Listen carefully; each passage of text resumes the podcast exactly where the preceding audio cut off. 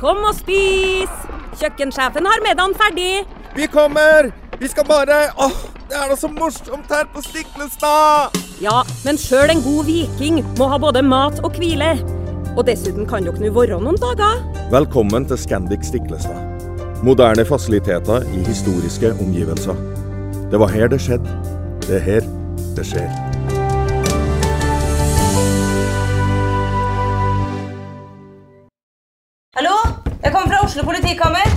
Ine Jansen er purk. Er du purk? The motherfucking bitch. Alt jeg vil, er å finne ut hva som skjedde med mannen min. Jon Carew. Er jeg sikta for noe? Iben Akeli. Det er du. Ole So, Lars Berrum og Big Daddy Karsten. Hvem sin side er du på, egentlig? Anette Hoff, Tone Danielsen, Kommer du fra Afrika? Jørnis Josef, Nesten. Kløfta. Trond Espen Seim, Det er synd å si det, men det var feil mann som døde. Purk. Premiere tirsdag på TV2 Play.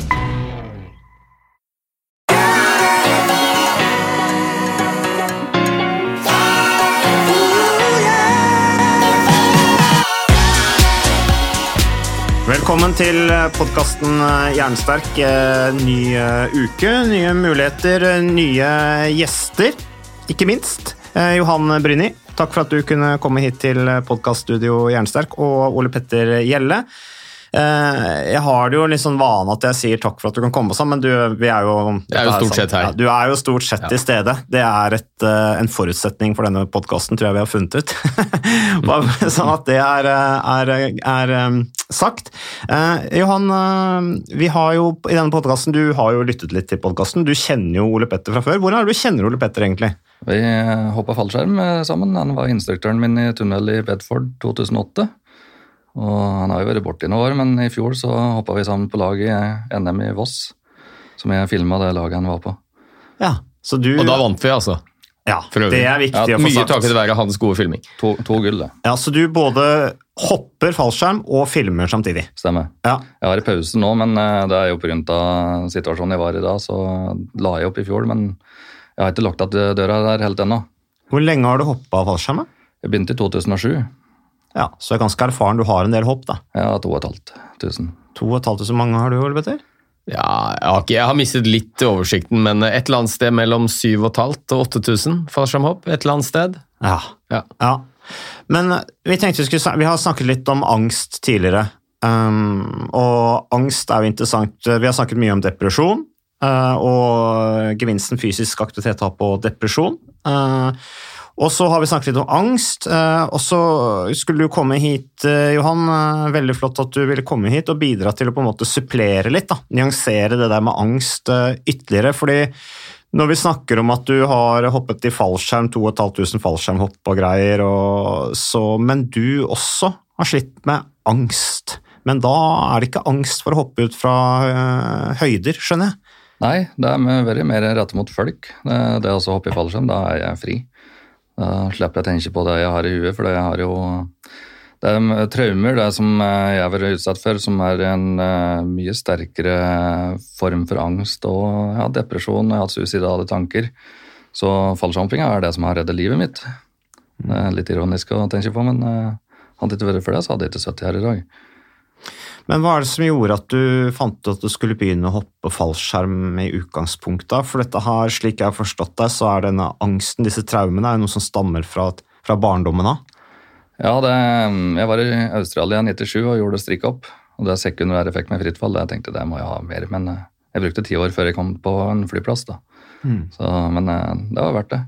Så, så det var en god, ikke bare pga. flukten fra tankene mine, men også gode folk jeg møtte der. Ble min nye familie. For jeg har hatt vanskelig med å akseptere min biologiske familie som min pga. det jeg har opplevd. Kan du eh, si litt om hva du har opplevd, som kanskje kan være, gjøre det litt lettere å forstå?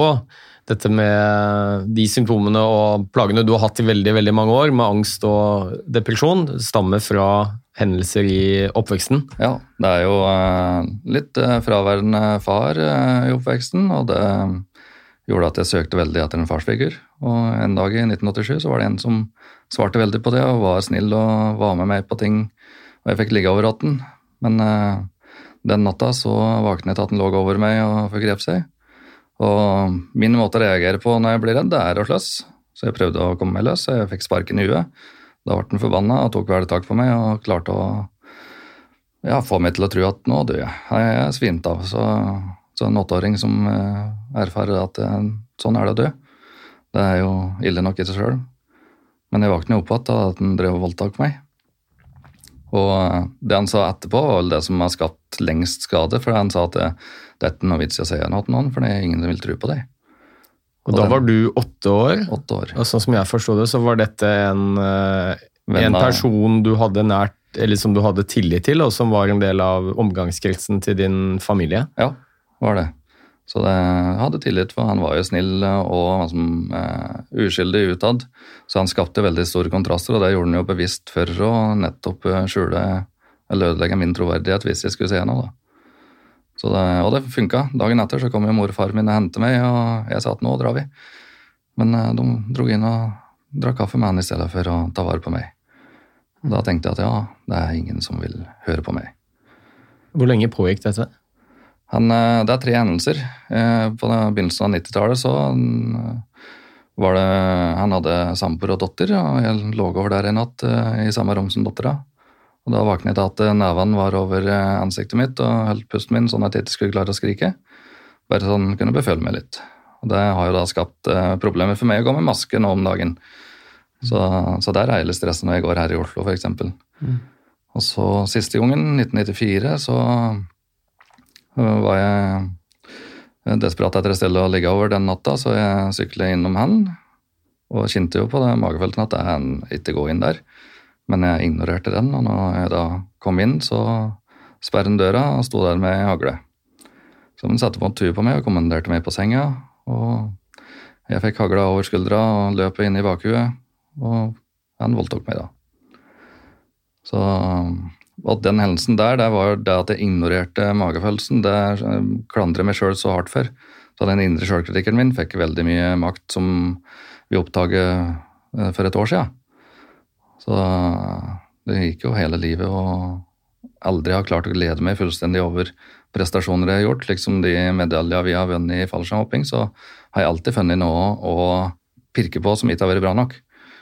Så det, det å glede seg over ting, det har vært veldig vanskelig. Det, den sjølkritikeren fikk altfor mye makt.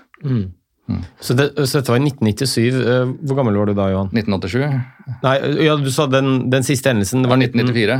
1990, sorry, Ja. 1994. Eh, Da var jeg 15 år. Ja. Ja, så Der var jeg fysisk sterk nok til å ta den, og det er litt det jeg klandrer meg for. Men når du får ei hagle mot huet av en som har drept deg før, da, så blir du lammet. Så, så det er jo naturlig at jeg ikke gjør motstand da. For eh, jeg visste hva en skade i hagle kan gjøre. Men uh, hvor lenge gikk du da med denne historien uh, og symptomene det ga, eh, før du da oppsøkte, eller kom til den erkjennelsen at du trengte hjelp, da? Det begynte i 2007 med hjelp ved med psykolog og DPS, men eh, jeg hadde jo den, eh, en hemmelighet som jeg bar på bevisst, som jeg ikke torde å fortelle. Da hendelse fra 1995. For da var jeg så deprimert og, og tung at jeg isolerte meg mye på rommet hvis jeg ikke var ute og rei med hester. Og så var det en nabogutt som kom eh, innom. Han eh, snek seg inn på rommet mitt. Så jeg ble så sint så jeg skulle straffe ham, og den straffa jeg gjorde, var å gjøre overgrep mot han. Og det føltes så rart, for jeg, hadde ikke noe lyst til det sjøl, men det var bare en refleks. Så jeg ble veldig redd til å bli sint etter det, og den sommeren ble veldig ille for, for oss begge. da. Det var tre hendelser eh, som skjedde da, og jeg skjønte at jeg må bare holde meg unna. Jeg klarer ikke å styre sinnet mitt. Så den skammen over å ha gjort det, og sånn, det gjorde at jeg satt i 1997 i Australia og prøvde å ta livet mitt, men jeg klarte ikke å trekke av rifla. Så, så det, men skammen over det har jo skapt en enorm terskel og mye sjølmordstanker. Så, og historien med familien min gjorde at i 2007 så oppsøkte jeg hjelp, men jeg klarte ikke å fortelle alt. Og vi visste ikke at jeg hadde vært utsatt for noe. Så det, det jeg sjøl ble utsatt for, det kom først i 2018. Og det var da jeg òg erkjente det jeg sjøl hadde gjort, og da, da begynte ballen å rulle. Så, så den prosessen der var veldig hard. De ukene der jeg jobba med det, så gikk jeg ned 11 kilo på et par uker. Men eh, det har vært det som har lett mest vekt av skuldrene mine, var det å erkjenne det jeg sjøl hadde gjort. Og da kunne vi begynne å jobbe med det sjøl jeg var utsatt for. Så da fikk jeg komme inn på NOx-senteret, som tipset meg om Frisk-stiftelsen i Elverum. Og jeg fikk eh, jobbe med, med traumene mine gjennom eh, ISTDP og EMDR-behandling. Og det tilbudet de hadde der, da. Kan du si litt mer om de behandlingstypene der, som du akkurat nå nevnte de forkortelsene for? Ja, ISTDP jeg klarer ikke helt å huske hva bokstavene står for, men det er jo det at de observerer kroppsspråket, og det går mer på følelser. Så de leser for så vidt mellom linjene og det vi prater. De ser hvordan kroppen reagerer når vi forteller om ting som er vanskelig, og så spør de hvor er det den følelsen sitter, og hva vil den følelsen? Hvordan ville, den, altså, hvordan ville det sett ut hvis du lot det sinnet gå utover meg, sier psykologen. Og det tok et år før jeg klarte å å skildre det, for jeg ville jo ikke skade hun. Men det var jo bare en skildring. Men det gjorde det at jeg, yes, jeg er ikke i kontakt med følelsene mine. Det, jeg trodde jeg gjorde det fordi jeg tenkte følelser, men jeg følte ikke. Så det var en sånn eh, veldig stor oppdagelse for meg. Så det er det jeg jobber med nå, så kommer jeg i kontakt med følelser, lære å regulere dem, for det har jeg aldri lært. da. Og så EMDR er, eh, det er ikke hypnose, men det er en slags suggesjon. Du følger blikket på en finger eller et lysdiode, og så tenker du på det traumet du er utsatt for, og så kommer det fram nye minner som, som får, får, fram det hele bildet. Da. Og det var den behandlinga som eh, gjorde så utlaget for et år siden. Da, da jeg liksom gikk inn og var deprimert og lei livet og alt mulig, og så gikk jeg ut igjen og har lyst på å leve. Mm. Og eh, det var da jeg sendte melding til at jeg, for jeg hadde tatt en joggetur før denne behandlinga. Jeg brukte over 50 minutter på å klare 5 km. Jeg brukte et døgn på å psyke meg opp på det. Og uten noe trening imellom, men etter den timen der, så brukte jeg 10 minutter mindre tid. Og da skjønte jeg at eh, det mentale det stjeler veldig mye av den fysiske energien. Mm. Det var veldig forløsende, altså, rett og slett. Ja, veldig. Du fikk ut energi. Ja. Mm. Altså, det føltes jo Før det så føltes det som du flyr, eh, prøver å gå framover i fjellet i sterk motvind. Det var eh, som du hadde store kledder på bena som var tunge. Mm. Men etterpå så var det den at jeg hadde lyst til å komme og gå framover. Det var helt en annen følelse. Mm. Så, så, det overrasker meg skikkelig. Og det, det, vi gjorde da etterpå, da hadde jeg så lyst til å jogge, så behandlinga med ernæringsfysiologen den gjorde vi på joggetur. Vi prata og jogget samtidig. Så det, og det å være i bevegelse når du prater om vanskelige ting, det er mye lettere å prate da når du beveger på det, enn å sitte rolig i en stol. da. Ja, Det er veldig spennende det du sier der. Eh, det er jo dette her jeg har hørt også fra Modum Bad. At man blir bedre kjent med, med hverandre, da, behandler og pasient, når man er ute i fysisk aktivitet uh, sammen. Ja. Så, så det, er litt, uh, det, er litt, spennende at det kommer igjen også andre steder. Men, uh, men du var, var frisk Nei, var Frisk-stiftelsen. Frisk-stiftelsen, ja. ja. Uh, og der også bruker de fysisk aktivitet? Ja, det er tilbud de har. Det er ikke obligatorisk, men vi kan velge å bli med på det. Og så har de klatring og ridning og yoga. Og så har vi fri tilgang på treningssenteret som er vegg i vegg der. Og, så det, muligheter er der, og vi får gjøre det når vi har overskudd. da. Mm. Så, og den Sist jeg var der, så var det en gjeng som hadde sånn mål at de skal gå på treningssenteret hver dag. Men de er fornøyd hvis de klarer fem minutter. Og så får de bare gå dit og se hva de klarer. Mm. Så det var, det var, flere av det som brukte fysisk aktivitet uh, for å klare å komme seg ut. da. Mm. Mm. Så dette betyr at, eh, sånn som jeg har forstått det, Far Johan, så, så, har du i veldig mange år opp gjennom oppveksten din og i ja, flere tiår, eller iallfall lenge, gått og kanskje ikke helt vært eh, fullstendig klar over hva som har hendt deg tidligere i livet? Altså at det har vært følelser og hendelser som er blitt undertrykket? Ja, det har jo vært fortrengt, eh, fortrengt. veldig fort. Eh, for Jeg klarer ikke å komme på når det ble fortrengt, men tydeligvis ut ifra åssen jeg har oppført meg etterpå, så har det bevisstheten bare glemt at det er det. Det er akkurat som du har en filmrull der du klipper vekk den hendelsen, og så limer du sammen før og etter. Ja. men jeg hadde jo alle reaksjonsmønstre, men det var jo ingen som så det. Nei. Så, så. så jeg behandler jo meg sjøl, jeg måtte prøve å overleve. Ja. Så det var jo ut og sykle, f.eks. gjorde jeg mye for å være i bevegelse. For det, det å være i bevegelse, det ga meg trygghet. Så det var jo fem mil om dagen til jeg fikk betennelse i kneet, og da surret jeg fast det andre benet, og så fortsatte jeg. Og så hadde jeg jo hester da som var ute og rei, så det var mye bevegelse.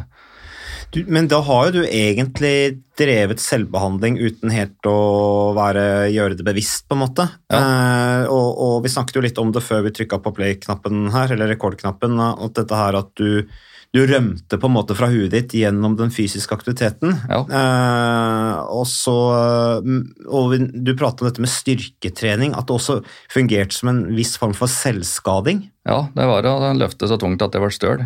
Og det å gå og kjenne på den stølheten og vondt for å reise seg og slikt, det, det gjorde det at eh, oppmerksomheten fra huet ble eh, litt eh, litt eh, Hva skal man kalle det? Ble litt borte, da. Så det, da, da kjente jeg på smerten i kroppen i stedet for. Og det, jo, det er jo sunn smerte. Jeg løfta ikke det. Det er noen ganger jeg har løfta feil, men sånn er det. Men jeg brukte jo trening også som sjølskading, og det ble jeg bevisst på når jeg begynte behandling for tre år siden. At de tinga der er jo Jeg prøver å skade meg sjøl. Og mat har jeg også brukt som middel. Jeg begynte å ete og la på meg mye etter det første overgrepet. Så regulere følelser med mat, det gjør jeg ennå, men det har jeg liksom tenkt at det er sånn sekundært. Nå skal jeg prøve å fungere i hverdagen, og så kan jeg begynne å jobbe med maten når det er på plass. Mm. Sånn at jeg ikke legger på en stressfaktor til som gjør at det eh, Det å feile på en én ting kan bli mye større enn det trenger. da. Mm. Fordi at du sa at du var ute og gikk eller jogga med ernæringsfysiolog, hørte jeg riktig? Ja, vi, vi hadde samtaler, men vi, jeg, vet jo at jeg skal ete, hvor mye jeg skal ete og hva jeg skal ete og slik, men det er den der, hva er det som trigger det at jeg et for mye? Det, som, det var, så det var det vi prata om, da, hva som lå baka for det. Så det. Og det er altså så jogge og prate, det gjør jo det at du blir jo fort sliten, men vi fikk jo høyere og høyere snittfart eh, opp gjennom eh, oppholdet, da. Så det, det forbedrer jo den der fem kilometer-tida med 20 minutter til slutt. Mm. Men i tillegg til å snakke med deg og liksom finne ut av ting som gjør at du kan ha det bedre og forsone deg med fortida, eh, så lærer du da på det fristsenteret liksom på en måte å, å leve i balanse med i forhold til kosthold og fysisk aktivitet og på en måte bare leve en sunn, sunn hverdag, at du ikke skal gjøre ting så ekstremt, eller hvordan er, Ja. hva er målsetningen der? Der er det vel mer bevisstgjøring, altså det å jobbe seg gjennom traumer og lære seg å leve med dem. Eh, mat og trening blir litt sekundært, men eh, for meg så er det jo viktig også å kunne bli helhetlig. da. Og også kunne eh, prate om det hvis du har det vondt en dag, at du tar kontakt med noe nettverk eller behandler, og så, og så sier det i stedet for å gå i kjøleskapet. Så det, denne åpenheten har vært veldig viktig som eh, behandling for meg. da. Jeg merker jo det når jeg prater med folk om det, og, og, og utenforstående som kommer med sine synspunkter og betraktninger, så hjelper jo det meg å klare å regulere følelser. Mm. Så det, det er den bevisstheten og åpenheten som er den viktigste faktoren for min del.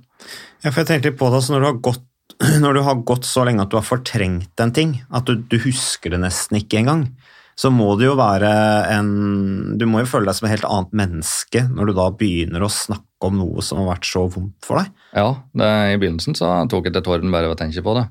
Nå har jeg pratet med så mange behandlere, eller i så mange timer med behandlere, og øh, hadde jo foredrag om det forrige uke eh, for sykepleierskolen i Elverum. Så, så jeg har jo gått over noen terskler, og det, det gjør det lettere for hver gang. Og det, og det føles jo godt at eh, mine erfaringer òg kan hjelpe andre. Da. For jeg er veldig opptatt av at folk skal bli sett når de har det vondt. Det er jo helt sikkert ganske mange sånne eksempler der ute, Dessverre. en eller annen form. Ja. Så du har jo nå gjennom store deler av barndommen og ungdommen og ditt voksne liv slitt med nærmest invalidiserende plager, eh, angst og depresjon. ja. Og så har du eh, endelig fått eh, ordentlig hjelp. Ja, Ja. det. Og som har, sånn som jeg har forstått, iallfall en kombinasjon av flere elementer med behandling. Alt fra kognitiv atferdsterapi, som vi kaller det med en sånn sekkebetegnelse med, med psykolog, vil jeg tro. ja, men Ja. den har ikke hjulpet meg så mye, egentlig. Nei. Det er den nyeste EDP-en, at det går på følelser og observasjon og EMDR, som har vært utslagsgivende for meg. Ja, men, iallfall sam, samtalebasert terapi. da. Vi Ja. pleier jo ofte å skille mellom medikamentell terapi og samtalebasert. Ja, medisiner har jeg prøvd hele mine. Jeg har hatt noen perioder med, med antidepressiva. Men jeg føler meg så falsk når jeg går med det. For det, altså, nå vet jeg jeg skulle vært lei meg. Altså, liksom, når bestefaren min døde, så satt jeg der og var som Ja, ja, det var som jeg, visste at nå skal jeg være trist, men jeg klarte ikke å føle det. Så det, det er veldig forræderisk eh, medikament. Men når jeg da kom inn på fristiltelsen, så seponerte jeg der, for jeg ville være i kontakt med følelsene mine på godt og vondt. da. Jeg ville det skulle være ekstremt for å ta tak i det som var vondt. Men du har på en måte et veldig sånn bevisst forhold til din egen naturlige fys, Altså naturlige eh, natur, da, tenkte jeg. Altså dette her at du ikke vil du, du skyr medikamentet, f.eks., altså kjemien. Ja. Eh, du drar ut og sykler til du får vondt i knærne, og løfter så du får vondt i musklene. Du er sammen med hester. Eh, og det kan liksom bare sånn umiddelbar tanke at ok, da følte du deg kanskje trygg med de hestene, og du hadde en slags dialog med de, og det var på en måte lett å forholde deg til de, og dere var ute og gjorde ting sammen, så det må ha føltes veldig meningsfullt, tenker jeg, den relasjonen med de hestene, at man var i bevegelse med de og sånn. Ja, i tenåra så var det hester som holdt meg i live. Det var det som redde meg da. For de, eh, de har en helt egen måte å, å speile det på. Så hvis det var sint, så nei, da ville de ikke komme bort til meg, og var det trist, så kom de og la huet på skuldra. Og, og den, eh, jeg merket at jeg hadde talent for å prate med dem. Så den eh, hesten jeg hadde sjøl, den, eh, den drev jeg uten hulag, og bare den så dit jeg skulle, så gjorde den det. Gikk tankeoverføring omtrent, da. Så det er veldig god kontakt sammen med det, og, og når du sitter og rir, så er du alltid i bevegelse. Du klarer ikke å sitte og slappe av, egentlig. Så det, det er jo veldig fysisk aktivitet. Ja, så opplever du noe sammen med noen, på en måte, det blir jo en relasjon med Ja. deg og hesten. Og en annen ting, du, du, du har jo også blitt mobba, Ja, eh, og da vil jeg jo også tro at det var da fint å være sammen med dyr. ja det var det. Men jeg, jeg måtte jo tåle å bli mobbet fordi jeg valgte dyr framfor moped, f.eks. Men eh, da var jo ensomheten såpass stor eh, i tenåra der, så det, da ga jeg blaffen i hva de sa. Men det var jo sårende nå det, de driver med, den der mobbinga. Og den mobbinga eskalerte jo etter det første overgrepet. Når jeg gikk opp i vekst, så fikk de en grunn til. Da var det jo å smøre bukk. Så jeg ble fortere sint og lei meg og tok til tårene, og det, da er det innertier, da. Så, så det, men mobbinga har meg som blitt så bagatell i forhold til andre jeg har opplevd. Da. Det har bare vært en faktor. Men eh, nei, det altså å være midt i en flokk og føle seg ensom, den har jeg kjent mye på. Så det har eh, isolert meg mye opp igjennom fordi jeg ikke har hatt overskudd til å være med folk. Men jeg har jo lyst, og det fallskjermhoppinga har jeg sørget for at jeg har klart å være der med et mål, da.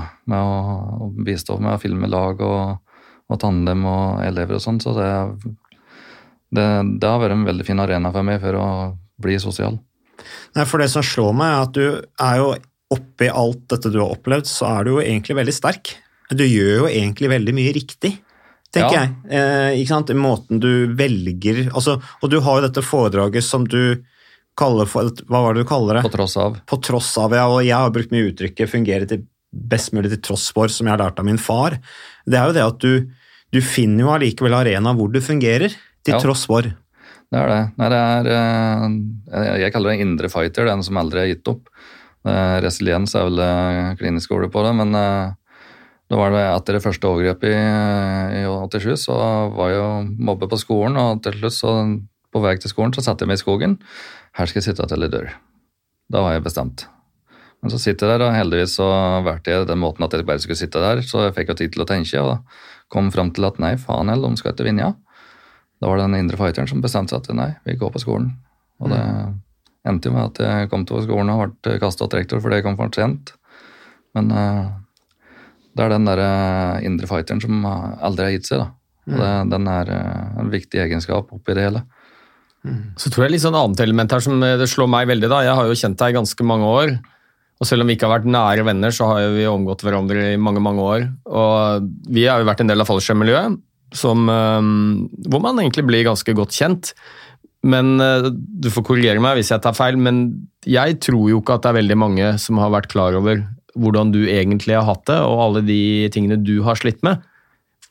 Nei, jeg har jo hatt en fasade. Ja, ikke sant? For Ja. Du, og du har jo framstått for iallfall meg, og jeg tror veldig mange andre som har vært tett innpå deg over lang tid, som en utrolig flink fyr, ressurssterk fyr, med jobb, familie, flink til å hoppe fallskjerm, eh, jovial, utadvendt, morsom. Og, og jeg tenker det er jo litt sånn klassisk for mange av de som sliter med mentale lidelser. Det er gjerne usynlig for mange andre. Mange av disse fysiske plagene som vi har, de snakker veldig mange om. Det er ingen som går rundt og er redd for at de har ødelagt menisken sin eller sliter med en eller annen fysisk eh, skavank, men akkurat dette med mentale lidelser, det er jo ofte ganske usynlig. Ja, og det gjør det vanskelig å be om hjelp òg, for det, jeg har vært redd for at jeg ikke klarte å ordlegge meg så doktoren ser hvor vondt jeg har det. Ja. Så det er mye lettere hvis du har knekt et ben, så er det bare å peke på det. Ja da, ja. Ja, og det er jo mye av det stigmaet som ligger rundt uh, mentale lidelser, som jeg tror er en vesentlig snubletråd og, og, gjør det veldig mye vanskeligere for mange å få hjelp. For det er ikke Én, man prøver å gjøre det litt usynlig, for det er vondt og vanskelig å snakke om. Mm. Og så er det jo ikke plager som er synlige i utgangspunktet. da.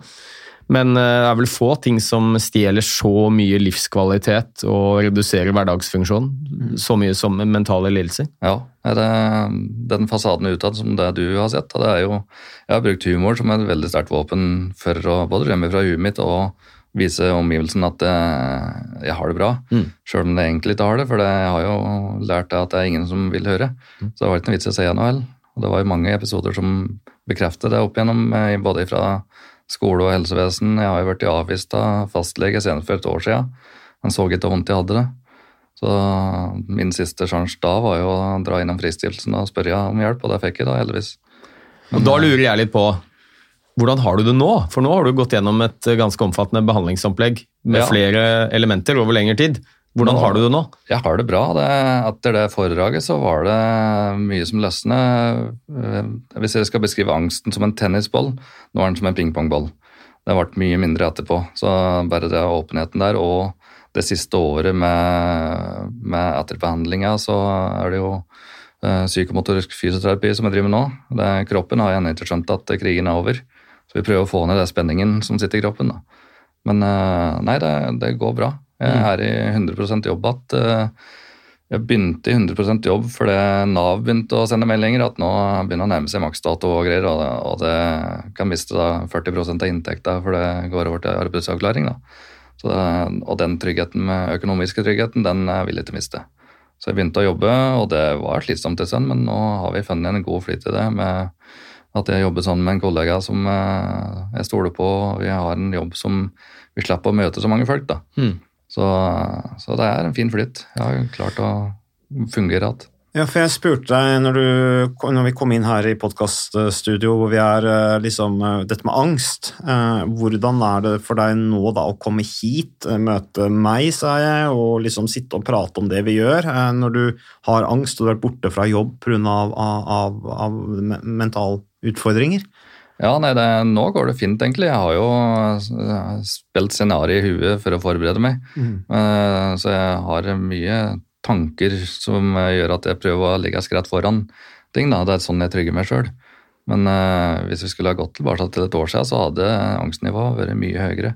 Mm. Jeg møtte jo at den ene psykologen på Fristiftelsen nå i forbindelse med foredraget, og han sa at husker du når vi Ukas annonsør det er uh, HelloFresh. Og uh, hvis du nå går inn på hellofresh.no og bruker koden 'fresh hjerne', så kan du få opptil 1779 kroner rabatt på da de fem første matkassene dine hvis du ikke har prøvd Hello Fresh enda.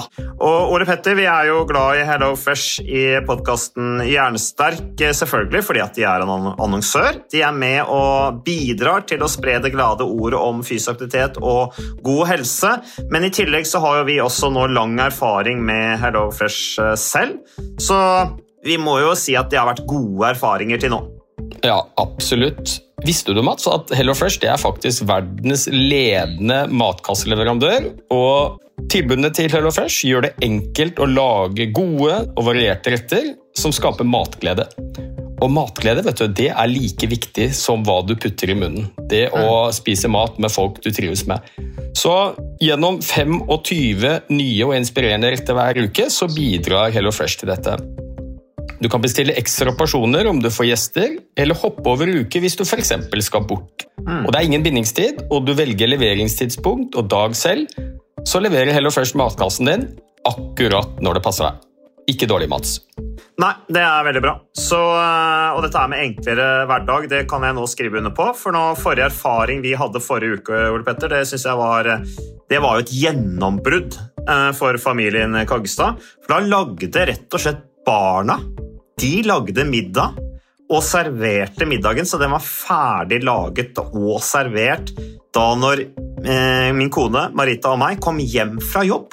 Og jeg mener Det var jo bare helt utrolig. Eh, det var helt fantastisk. Det ble en nydelig middag. Riktignok de, de, de, de roter og søler litt, det gjør de. Så, men, men, maten ble veldig god. De var veldig stolte over å kunne ha både laget og servert maten, så det var helt fantastisk. Så vi har jo da i siste så har vi eh, spist eh, bl.a.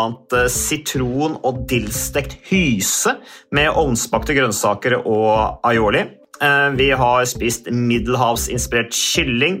Taco, så finnes det mange ulike typer taco, f.eks. vietnamesisk taco, som vi har spist. Thailandsk vegetargryte. Veldig riktig og sunt uh, i dagens uh, samfunn med, med, fokus på bærekraft. Hvitløk og chilistekte reker i spagetti, det var definitivt en vinner. Så det er så flott. Du får rimelig mat ved at du kun betaler for det du trenger, så det blir ordentlig feststemning med Hello Fresh. Det gjør det, og nå er det bare for deg å gå inn på hellofresh.no og bruk koden FRESH gjerne. Da får du opptil 1779 kroner rabatt på de første fem matkassene dine, hvis du ikke allerede har prøvd HelloFresh. Du kan også bruke rabattkoden hvis du har stoppet abonnementet ditt for tolv måneder siden eller mer. Er det noe å lure på? Håper maten smaker godt. Bon appétit! Du var på forvernsamtale i 2019? Så jeg, ja, jeg gjør det, sa jeg. Det, da hadde du mye angst. Mm. Ja. Da, da torde jeg ikke å sitte med, i gangen, så jeg satte meg med ryggen mot veggen innerst i lokalet for å ha full oversikt ut. For jeg måtte ha oversikt for å føle meg tryggere. Men uh, angstnivået var kjempehøyt da. Det, og nå er, det, nå er det vel 20% av det den gangen. Men det er situasjonsbetinget. Hvis jeg føler meg uh, ukomfortabel i en situasjon der jeg må prestere, f.eks., så, så kan den trigges. Men, uh, og det hadde vi lagt høyde for i foredraget òg. Hvis jeg får et angstanfall, hva gjør vi da? Mm. Så da sa jeg da går du inn og regulerer på åpen scene, så får de se hvor vondt det er. Så, mm. Men jeg klarte det. Det... Ja, det tenker jeg nå er virkelig en attest på at du har blitt bedre. Da. Det å stå foran en forsamling og holde foredrag, det er jo noe de aller fleste av oss, uavhengig av mentale utfordringer, eh, opplever angstsymptomer ved. Altså bekymring og uro og nervøsitet og ja, jeg hadde den samme nervøsiteten. og Jeg tenker at du må være litt nervøs uansett. Jeg sitter så er det noe, Da kjeder du deg på jobb, tenker jeg. Ja, så når du skal hoppe fallskjerm, det, hvis du står med hvilepuls i døra der, så ja. er det noe gærent. altså. Ja. Det er meningen at man skal være litt nervøs da. Det er det. Ja. det men det begynte jo i fjor, for da var jeg så sliten. Og jeg torde ikke si det til noen at jeg var det. Så da tenkte jeg nå legger jeg opp under NM, for da visste jeg at jeg var på så bra lag så det var god sjanse for medalje. Det er en fin måte å avslutte på. Men jeg gikk jo med selvmordstanker som jeg ikke torde å si til noen. Så derfor la jeg opp, for jeg ville ikke at fallskjermmiljøet skulle forbindes med at jeg hadde tatt livet mitt. da. Mm. Så det var jo den egentlige grunnen, men jeg kunne ikke se høyt. Men eh, jeg begynte å pushe grensen med skjermflyging eksempel, og gjøre litt farligere ting for å føle mer adrenalin. Mm. Og så det begynte å bli litt sånn likegyldig, og da tenkte jeg nå, nå, må, vi, nå må vi legge opp før det jeg pusher det for langt. da. Men du veldig, altså du er jo ekstremt fornuftig. da. Det var litt det du var tilbake på i stad. Du gjør jo egentlig veldig mye riktig til at du har opplevd det du har, har, gjort. Eh, du har hatt noen episoder selvfølgelig som du gjerne skulle vært foruten, og som var, var uheldig og dumt.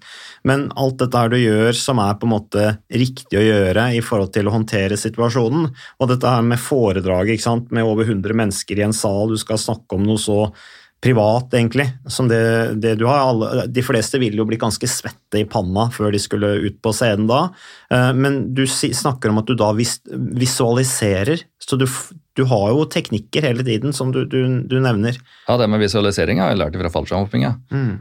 Det, det som vi kaller dirt diving der, da, at vi gjør det på bakken før vi tar det opp i lufta. Og Det har jeg jo tatt med i, eh, i den prosessen for å skape en trygghet for meg sjøl.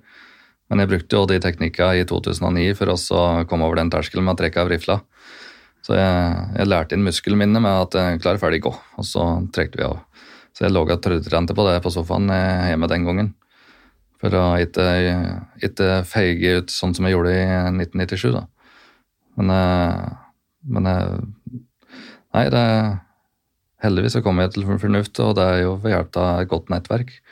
Så gode venner og folk rundt meg, fallskjermmiljøet spesielt, og som har hjulpet meg med å komme over de store bøyga. Hvordan, hvordan er følelsen når du har sittet der og skal trekke av, og så gjør du det ikke? Hvordan er, hvordan er følelsen i minuttene etterpå da? Det er jo skam og, og fornedring av en sjøl, at det er så feig du er. Det, når du sitter med sjølmordstanker, så har du gjort det logisk at det er best at du er borte, men der og da, som i 1997, så begynte jeg å tenke tenke om jeg ikke finner igjen meg, for jeg var langt ute i bushen. Og faren min må slutte jobben, eller ta seg fri fra jobben, da, da blir han sur. Og det blir dyrt å frakte kroppen hjem igjen. Så som, jeg lagde mye sånne unnskyldninger for å ikke trekke av, da, men mm. så var det som, den skammen etterpå som var størst. Og så begynte jeg å prøve å gjøre litt ekstreme ting. Så da jeg gjorde jeg strikkhopp og prøvde å fange litt slanger og sånne ting som gjorde ting spennende. da, mm. for, å, for, å, gjøre større avstand for det jeg hadde i huet. Mm. Men uh, nei, der, eh, jeg har jo gjort mye riktig ubevisst med det med sykling og, og bevegelse, med, med ridning og, og, den slags. og trening. Fallskjermmiljøet. Fallskjermmiljøet spesielt. Mm. Så, og det, etter Ole Petter ga ut boka si, så tenkte jeg da må jeg prøve å leve litt etter i behandlingsperspektivet òg, da. Så jeg har jo prøvd å komme meg ut, men jeg har hatt veldig mange turer til treningssenteret. Sittet i bilen og prøvd å komme meg ut døra, men kjører hjem igjen og blir sint på meg sjøl for ikke å klare å trene, og så spiser vi litt mat, så det blir en veldig ond sirkel. Mm. Men uh, det er du må ha mentalt overskudd for å klare å komme ut, for det kan koste så mye. Så det, I fjor da jeg ble sykmeldt da, så bestemte jeg meg at jeg skal ut og gjøre noe hver dag. Sånn at jeg kommer ut døra og ikke bare ligger på sofaen. Mm. Og heldigvis så hadde vi en plen som skulle måkes ut jord på greier, så gjorde de det til jeg ble sliten, og så gikk jeg inn igjen og så hvilte. Og så gikk jeg ut igjen når jeg var i form til at For det er jo litt av litt sånn åpenbart paradoks her, da. Det er jo at uh, mange av de som kanskje ville hatt aller størst gevinst uh, for helsa si, både fysisk og mentalt, for å komme seg ut, eller trene inne for den saks skyld, men komme seg i bevegelse, da. Det er jo gjerne for dem dørstokkmila er lengst. Ja. Og det er jo ganske åpenbart, egentlig, at hvis du er dypt deprimert eller sliter med sosial angst eller mye uro, så, så, blir den dørstokkmila enda mye lenger. Og da mm, er det jo helt fantastisk, tenker jeg da, at det finnes behandlingsalternativer hvor dette settes litt i system, og hvor man blir fulgt opp. Ja. Og man ikke er helt overlatt til, til, seg selv. Men det jeg lurer litt på, det er jo Hvor viktig opplever du at treningen har vært for deg? I den prosessen hvor du nå har blitt mye bedre? Det er viktig, både selvfølelsen overfor kroppen, at det er i fysisk form. altså klare å ha overskudd. Og det er gleden til å komme seg ut, så det er verktøyet jeg har brukt. Jeg brukte jo personlig trener, og det, da har de avtale som jeg holder. Selv om jeg har en dårlig dag, så møter jeg opp med den avtalen. Jeg skal ikke kaste bort tida til han. Og det jeg gjør nå, er jo at jeg sender melding til eh, en i nettverket mitt at i morgen tenkte jeg skulle jogge åtte kilometer. Og da gjør jeg det, for at jeg skal jo stå for det jeg sier. Mm. Så det er de der små avtalene som gjør at jeg forplikter meg til å komme meg ut. Mm. Så hvor mye, hvor mye, trener du nå, da? Nei, så gjennomsnittlig uke? Ja, Én til to ganger i uka. Jeg har som mål at jeg skal klare én, ja. og så er resten bonus. Mm. Smart. Ja. ja. Og Hva er det du gjør for noe, da? Hva slags type trening gjør du? Jogge ute. Det, det liker jeg aller best. Og så er det styrketrening, men jeg har hatt litt angst eh, nå i koronatider med å gå på treningssenteret. Men det, det, det har gått likere nå siste halvåret, da. Men det, så tenkte jeg at eh, ja, hvis jeg ikke klarer joggetur, så går jeg en tur. Mm. Så i går så gikk jeg åtte kilometer, for det, da var det kaldt og greier. Så tenkte jeg da slapp jeg også å dra inn så mye kaldluft og bli dårlig. Ja. Mm.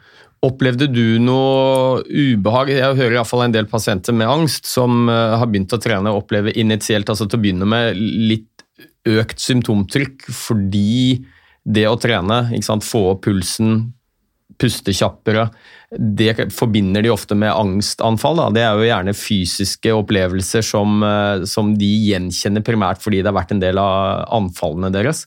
Ja, nei, Det har ikke jeg vært plaget med, nei. nei. Jeg har uh, unngått å få angstanfall. Det første angstanfallet hadde jeg i 2018.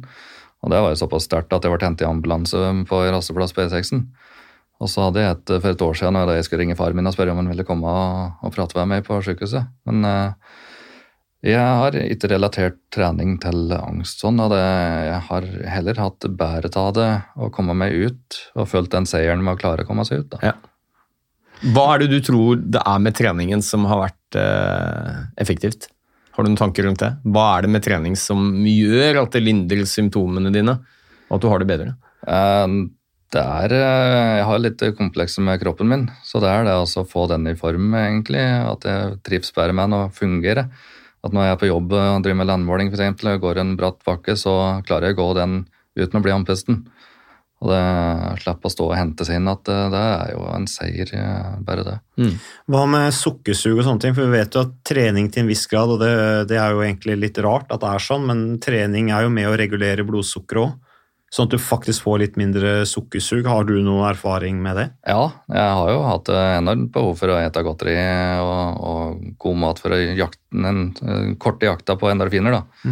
Eh, men eh, når det jeg har hatt det dårlig og klart å komme meg ut og gått en tur, så er det søtsuget borte. Så eh, da er det ikke den samme jakta i kjøkkenskapet som det var før, da.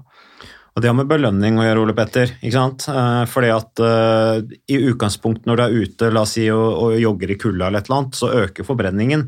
Da har du behov for næring. Men eh, det er dette med belønningen som da er utslagsgivende for at du kanskje ikke spiser så mye godteri som det du ville gjort hvis du bare hadde blitt inne. Ja, det er iallfall ett element til det. Det er noe ganske komplekst, men eh, det er klart det er, det er mange som, som bruker mat uh, for å få en belønning. ikke sant? F.eks. trøstespising. Man føler seg bedre når man har spist, uh, gjerne noe som er litt usunt. Og det er jo ikke så rart. Det er jo den evolusjonsmessige belønningsmekanismen vi får da, ikke sant? når du spiser noe med mye sukker eller mye fett, som var ekstremt viktig for overlevelse på savannen. Eh, For det var den maten som inneholdt flest kalorier, som ville holde deg i live lengst mulig, så blir du belønnet. For å, du skal gjenta atferden. Eh, Og mye av den samme belønningen får du jo når du er i aktivitet. Blant annet for at det skilles ut dopamin og endorfiner. Så, så for mange så kan man nok se det at eh, Altså det er flere elementer. Det ene er jo at veldig mange som trøstespiser, de gjør det fordi de ikke har det spesielt bra. ikke sant? Så de er med, det er med på å regulere humøret. Eh, og hvis du da begynner å bevege deg litt mer, så, mm, så, så vet vi jo at det virker antidepressivt, det å trene og bevege seg. Så det er på en måte ikke behovet der like stort for å trøstespise. Fordi man har det bedre med seg selv. Mm. Og så er det selve belønningsmekanismen. Du får mye av den samme belønningen ved å jogge deg en tur som du får ved å spise usunn mat. Ja, så det er valg liksom, enten så velger du det ene eller så det andre. Det ene er oppbyggende, det andre er nedbrytende. Og så er det selvfølgelig Du kan bruke treninga til en viss grad til selvskading også, sånn som du var inne på. ikke sant? Ja. Men, øh, men så lenge man blir bevisst det og, og klarer å balansere det, så, så blir, det, blir det sunt på, på sikt, forhåpentligvis. Og så har jeg brukt trening for å balansere mat inn og forbruk ut. da. Så da, Hvis jeg har tatt en sjokolade, så var det Hvis jeg tar en joggetur nå, så kikker jeg med i null. Da trenger jeg ikke ha så dårlig samvittighet for å ha tatt den sjokoladen. Ja, og det er jo ganske vanlig. Ja, ja.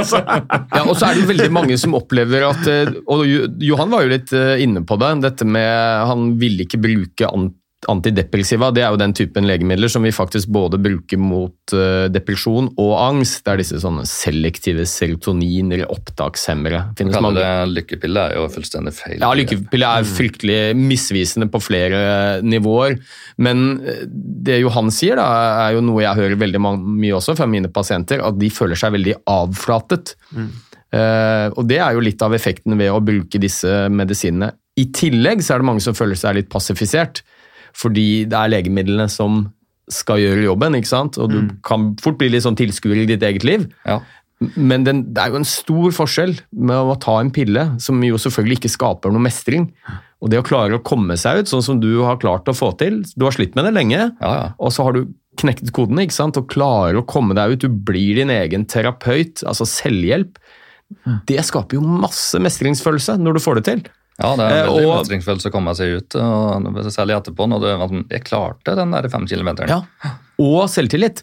Og det er jo noe vi ser eh, blant de som lider av angst og depresjon. Så er det mange som også sliter med dårlig mestringsfølelse, troen på seg selv, dårlig selvtillit. Og det er med på å styrkes når du blir din egen terapeut, enten det er kosthold eller fysisk aktivitet. Så, men jeg, men jeg syns også det er utrolig flott å se at det er jo ikke enten-eller.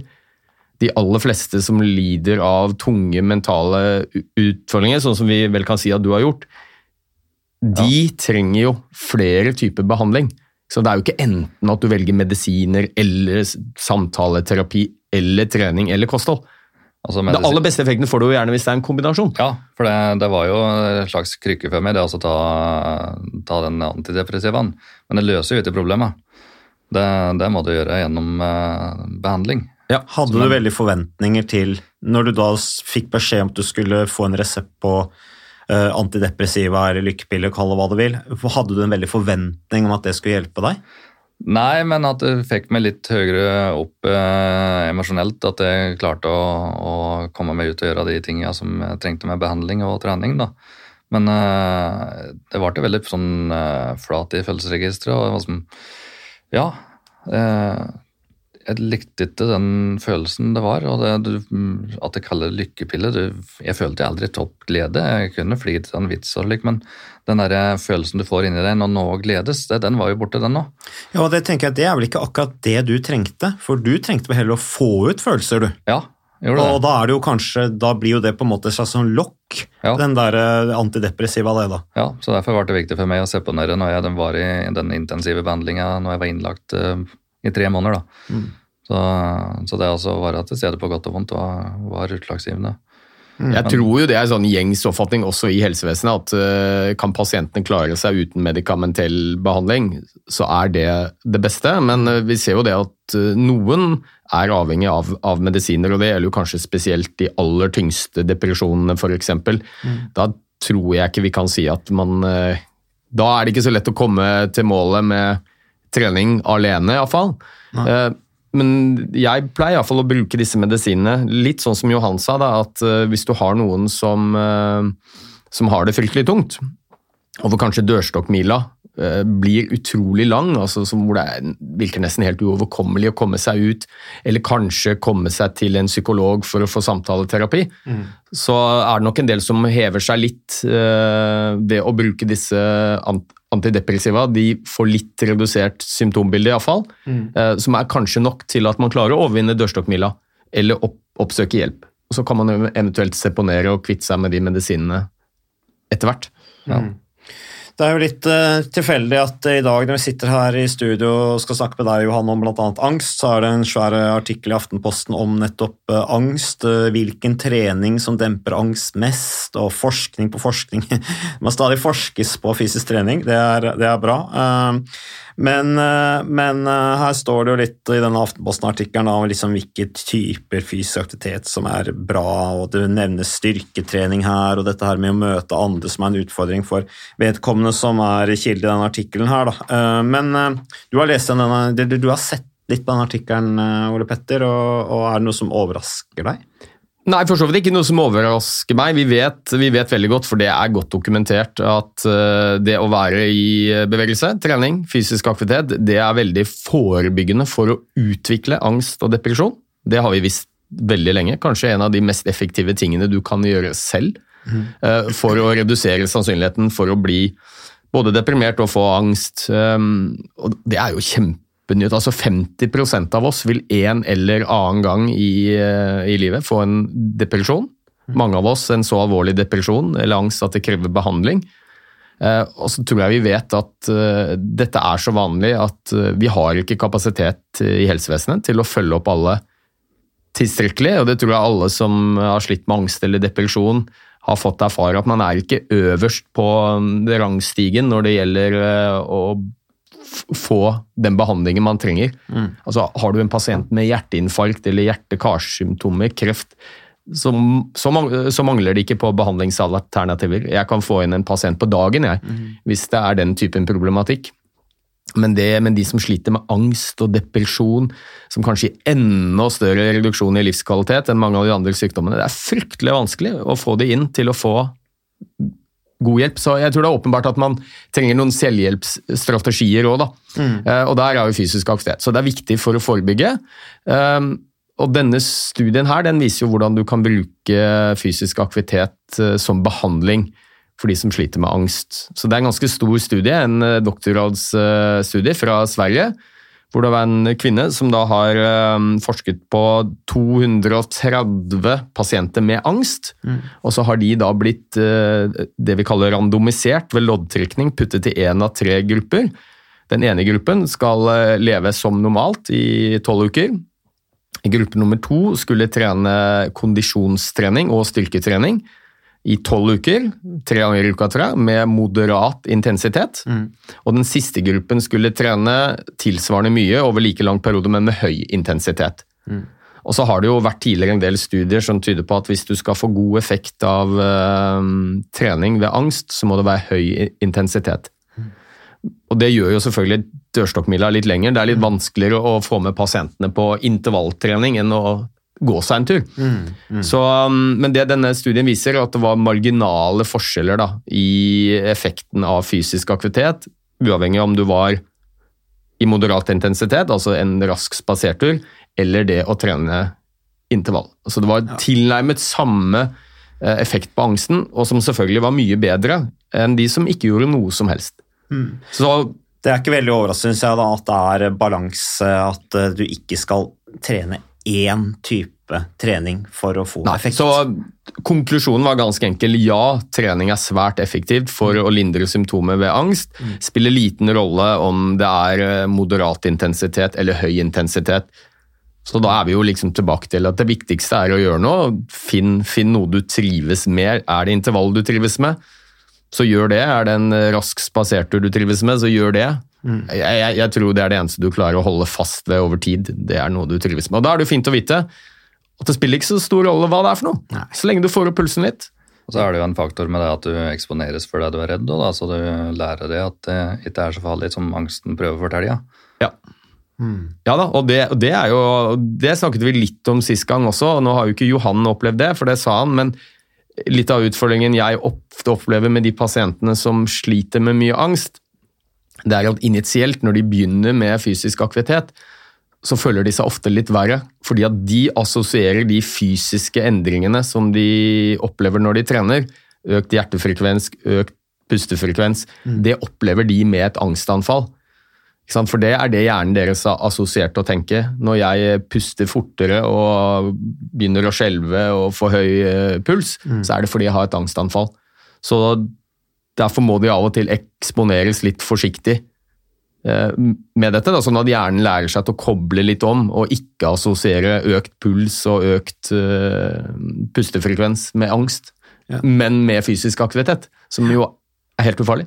Ja, og Vi kommer helt sikkert å snakke mer om angst. Ole Petter. Det du sa også forrige gang vi snakket om angst, var jo det at når du da beveger deg, så er dette med sant? Når du puster, uh, den hyperventileringen gjør at det blir mye karbondioksid i blodet, og så får du da på en måte Ja, lite. Li- Lite, mener jeg, og lite så får du da sant, økt det da, i, i kroppen, uh, sånn at du Ja, jeg klarer ikke å forklare det selv, men det gjorde du den gang, som, som man da kan gå tilbake og lytte på. Men Johan, vi skal snart gi oss her nå. Tusen takk for at du har bidratt med, med å dele dine erfaringer. Men det er sikkert det er, Vi vet at det er mange mennesker der ute eh, som har eh, lignende eh, erfaringer som deg fra barndommen, ungdommen, eh, som kanskje er i en lignende situasjon, men som ikke har gått ut med det på samme måte, ikke fått den hjelpen du har fått. Hva er dine råd?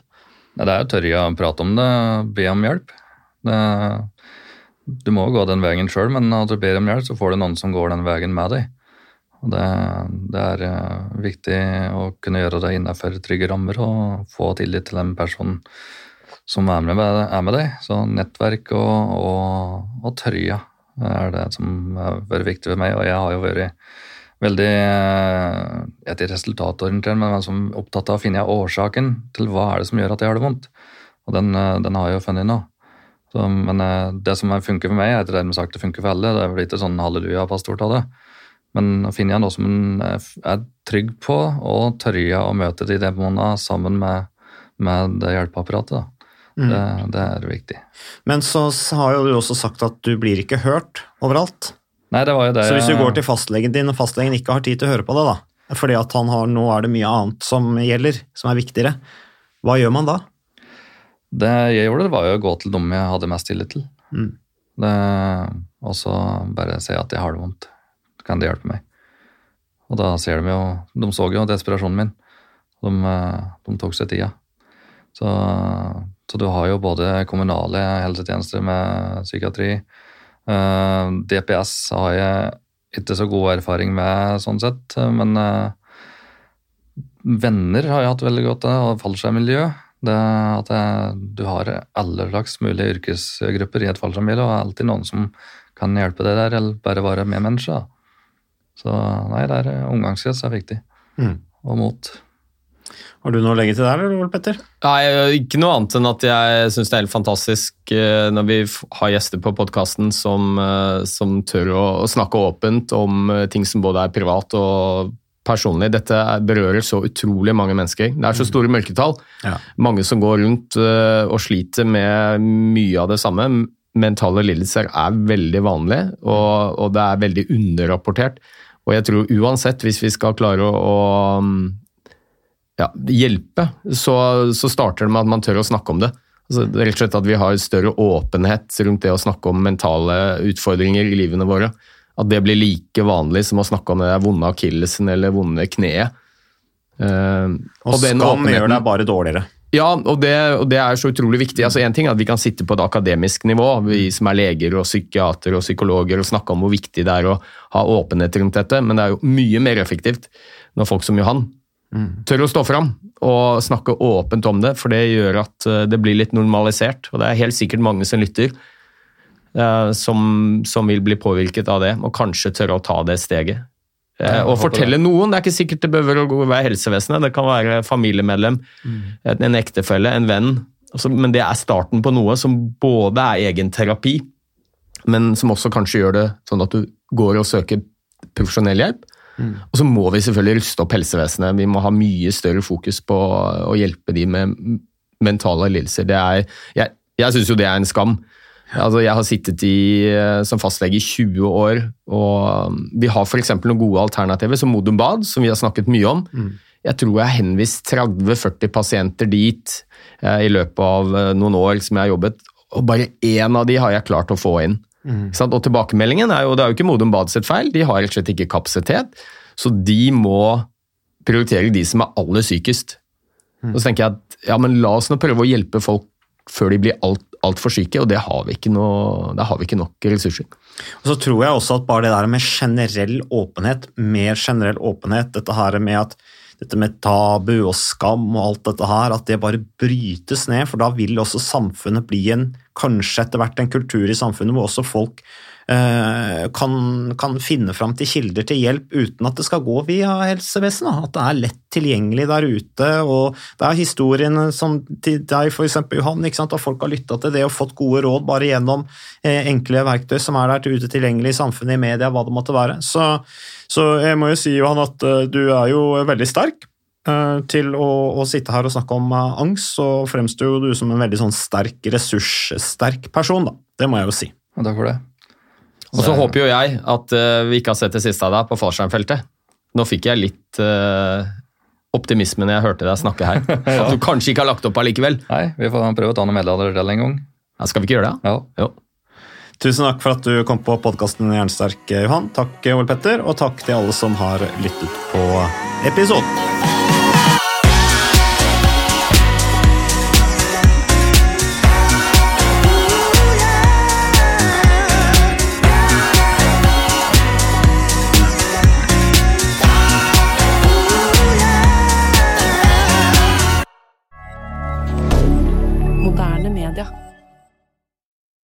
Har du et enkeltpersonforetak eller en liten bedrift?